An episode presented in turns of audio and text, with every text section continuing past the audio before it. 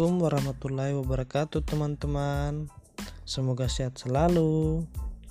Bertemu lagi dengan saya Host Muhammad Ibrahim Sebagai host kali ini ya teman-teman. Baiklah langsung saja saya akan membahas tentang hakikat Sejarah kedudukan dan fungsi bahasa Indonesia itu sendiri ya teman-teman. Yang pertama hakikat. Apa sih hakikat itu? hakik apa sih hakikat bahasa Indonesia itu? Oke, hakikat bahasa Indonesia itu adalah sebuah sistem lambang atau bunyi yang bersifat arbitrer dan disepakati secara bersama-sama ya teman-teman. Oke. Yang kedua, sejarah. Mendengar kata sejarah, pasti yang terlintas di pikiran kalian, teman-teman, pasti masa lalu ya teman-teman. No, tentu tentu tidak ya teman-teman. Jadi episode perdana ini saya ingin menjelaskan kenapa sih bahasa Indonesia yang kita gunakan dalam berkom berkomunikasi di negara kita ini. Ya, ya tentu semua ada sejarahnya ya teman-teman. Oke. Jadi pada awalnya bahasa resmi negara Indonesia itu berasal dari bahasa Melayu ya teman-teman salah satu bahasa daerah yang digunakan sebagai alat komunikasi masyarakat di daerah Riau dan sekitarnya.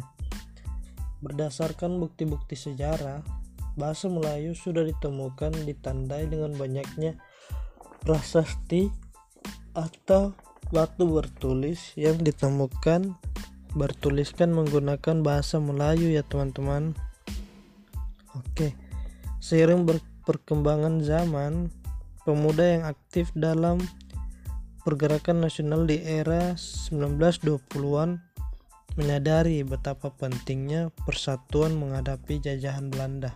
Keinginan mereka itu keinginan mereka itu tercetus dalam Kongres Pemuda Indonesia yang dilangsungkan di Batavia atau saat ini yang kita kenal sebagai Jakarta ya teman-teman.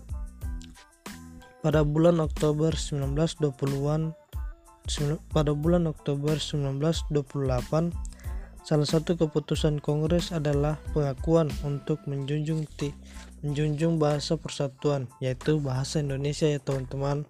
Oke jadi tentang sejarah sudah terselesaikan teman-teman. Yang ketiga kedudukan. Kedudukan kedudukan bahasa Indonesia apa sih? Apa sih kedudukan bahasa Indonesia itu? Oke kedudukan bahasa Indonesia terbagi atas dua ya teman-teman. Yaitu yang pertama bahasa Indonesia sebagai bahasa nasional. Dan yang kedua bahasa Indonesia sebagai bahasa negara. Oke langsung saja di fungsi ya teman-teman. Fungsi fungsi apa sih itu fungsi bahasa Indonesia itu? Oke menurut host Moh Ibrahim atau menurut saya teman-teman bahasa Indonesia itu dibagi atas tiga yaitu yang pertama bahas bahasa Indonesia secara umum fungsi atau fungsi bahasa Indonesia secara umum. Yang kedua fungsi bahasa Indonesia sebagai bahasa nasional yang seperti yang kita bilang tadi ya teman-teman dan fungsi bahasa Indonesia sebagai bahasa negara. Oke seperti yang tadi juga ya teman-teman. Oke baik. Fungsi bahasa kita jelaskan secara rinci teman-teman. Fungsi bahasa Indonesia secara umum. Yang secara umum ada empat hal Ada empat ya teman-teman. Dibagi lagi. Yang pertama untuk mengekspresikan diri Diri. Yang maksudnya Kita mampu mengungkapkan gambaran kita Maksud kita perasaan kita atau gagasan kita dengan menggunakan bahasa ya teman-teman. Kita dapat menye menyertakan secara terbuka menyatakan secara terbuka segala sesuatu yang tersirat yang ada dalam hati atau pikiran kita ya teman-teman oke yang kedua fungsi bahasa Indonesia. Fungsi bahasa Indonesia sebagai alat alat alat komunikasi ya teman-teman. Oke yang beri oke. Fungsi ini merupakan akibat lebih jauh dan dari eksfungsi ekspresi diri. Nah pada saat ini pada saat ini menggunakan bahasa bahasa sebagai alat komunikasi daerah bertujuan agar pendengar itu memperhatikan pembicaraan kita lawan tutur kita mengerti maksud kita ya teman-teman. Nah seperti itu. Oke selanjutnya fungsi bahasa Indonesia sebagai alat integrasi atau interaksi sosial yang ketiga ya teman-teman pada saat beradaptasi di lingkungan sosial dengan seseorang akan memilih bahasa apa yang digunakan. Itu dapat berlangsung berdasarkan situasi dan kondisi yang sedang dihadapinya. Dengan menguasai bahasa Indonesia, suatu bangsa memudahkan so seseorang untuk berbaur menyesuaikan dirinya dengan bahasa saat ini. Bahasa saat ini berada ya teman-teman. Oke, fungsi bahasa Indonesia yang terakhir. Fungsi bahasa yang terakhir sebagai alat kontrol sosial. Maksudnya di sini bahasa itu dapat memperoleh eh memper maksud saya mempengaruhi tutur kata atau perilaku seseorang. Nah, yang kedua Nah, yang kedua Ya, jadi yang pertama sudah selesai ya teman-teman. Sekarang yang kedua. Fungsi bahasa Indonesia sebagai bahasa nasional. Oke. Fungsi bahasa Indonesia sebagai bahasa nasional itu terdiri atas empat juga ya teman-teman.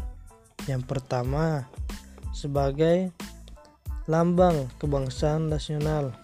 Ini ini sudahlah pasti ya teman-teman.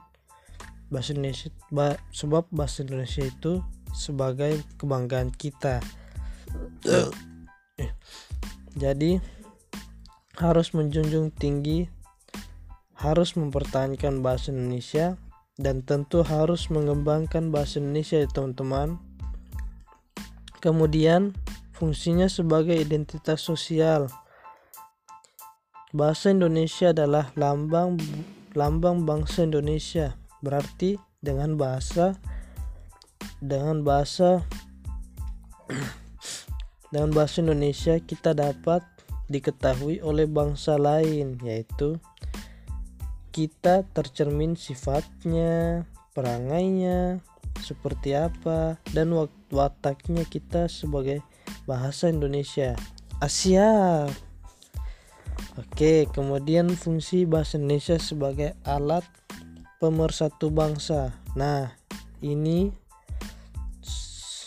sudah tentu ya bahasa Indonesia sebagai alat pemersatu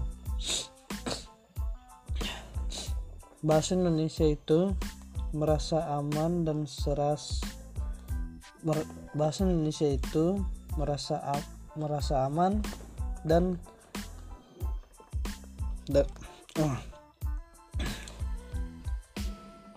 dan seras hidupnya sebab kita tidak merasa bersaing dan tidak merasa dijajah oleh masyarakat suku lain ya teman-teman. Maaf ya teman-teman. Saya lagi beringus-ingus dan beranu berpahit-pahit di tenggorokan ya teman-teman. Jadi begini cara penjelasan saya teman-teman. Maaf sekali lagi Oke, langsung saya lanjut lagi ya teman-teman. Dan fungsi bahasa Indonesia yang terakhir sebagai alat penghubung antar suku bangsa. Selanjutnya, fungsi bahasa Indonesia sebagai bahasa negara ada empat.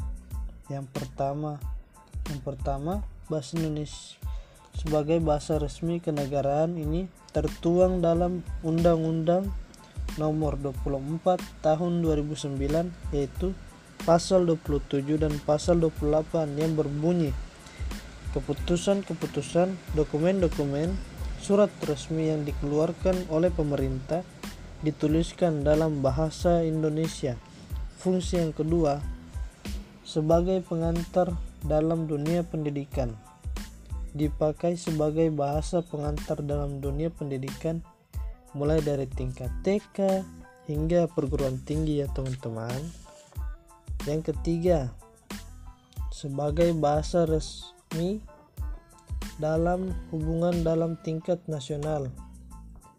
Dan yang terakhir fungsi bahasa Indonesia sebagai bahasa resmi dalam pembinaan kebudayaan dan pengembangan resmi. Eh, dan pengembangan ilmu pengetahuan dan teknologi atau IPTEK ya teman-teman. Ini tertuang dalam Undang-Undang Nomor 24 Pasal 35 yang berbunyi bahasa Indonesia wajib digunakan dalam penulisan karya ilmiah dan dipublikasikan karya ilmiah itu sendiri. Selain itu, buku-buku majalah semuanya menggunakan bahasa Indonesia ya teman-teman. Oke, semua sudah terjawab ya teman-teman. Terima kasih sudah mengikuti mengikuti mengikuti podcast saya host Muhammad Ibrahim pada kali ini. Saya saya ucapkan terima kasih. Saya tutup dengan wallahul wassalamualaikum warahmatullahi wabarakatuh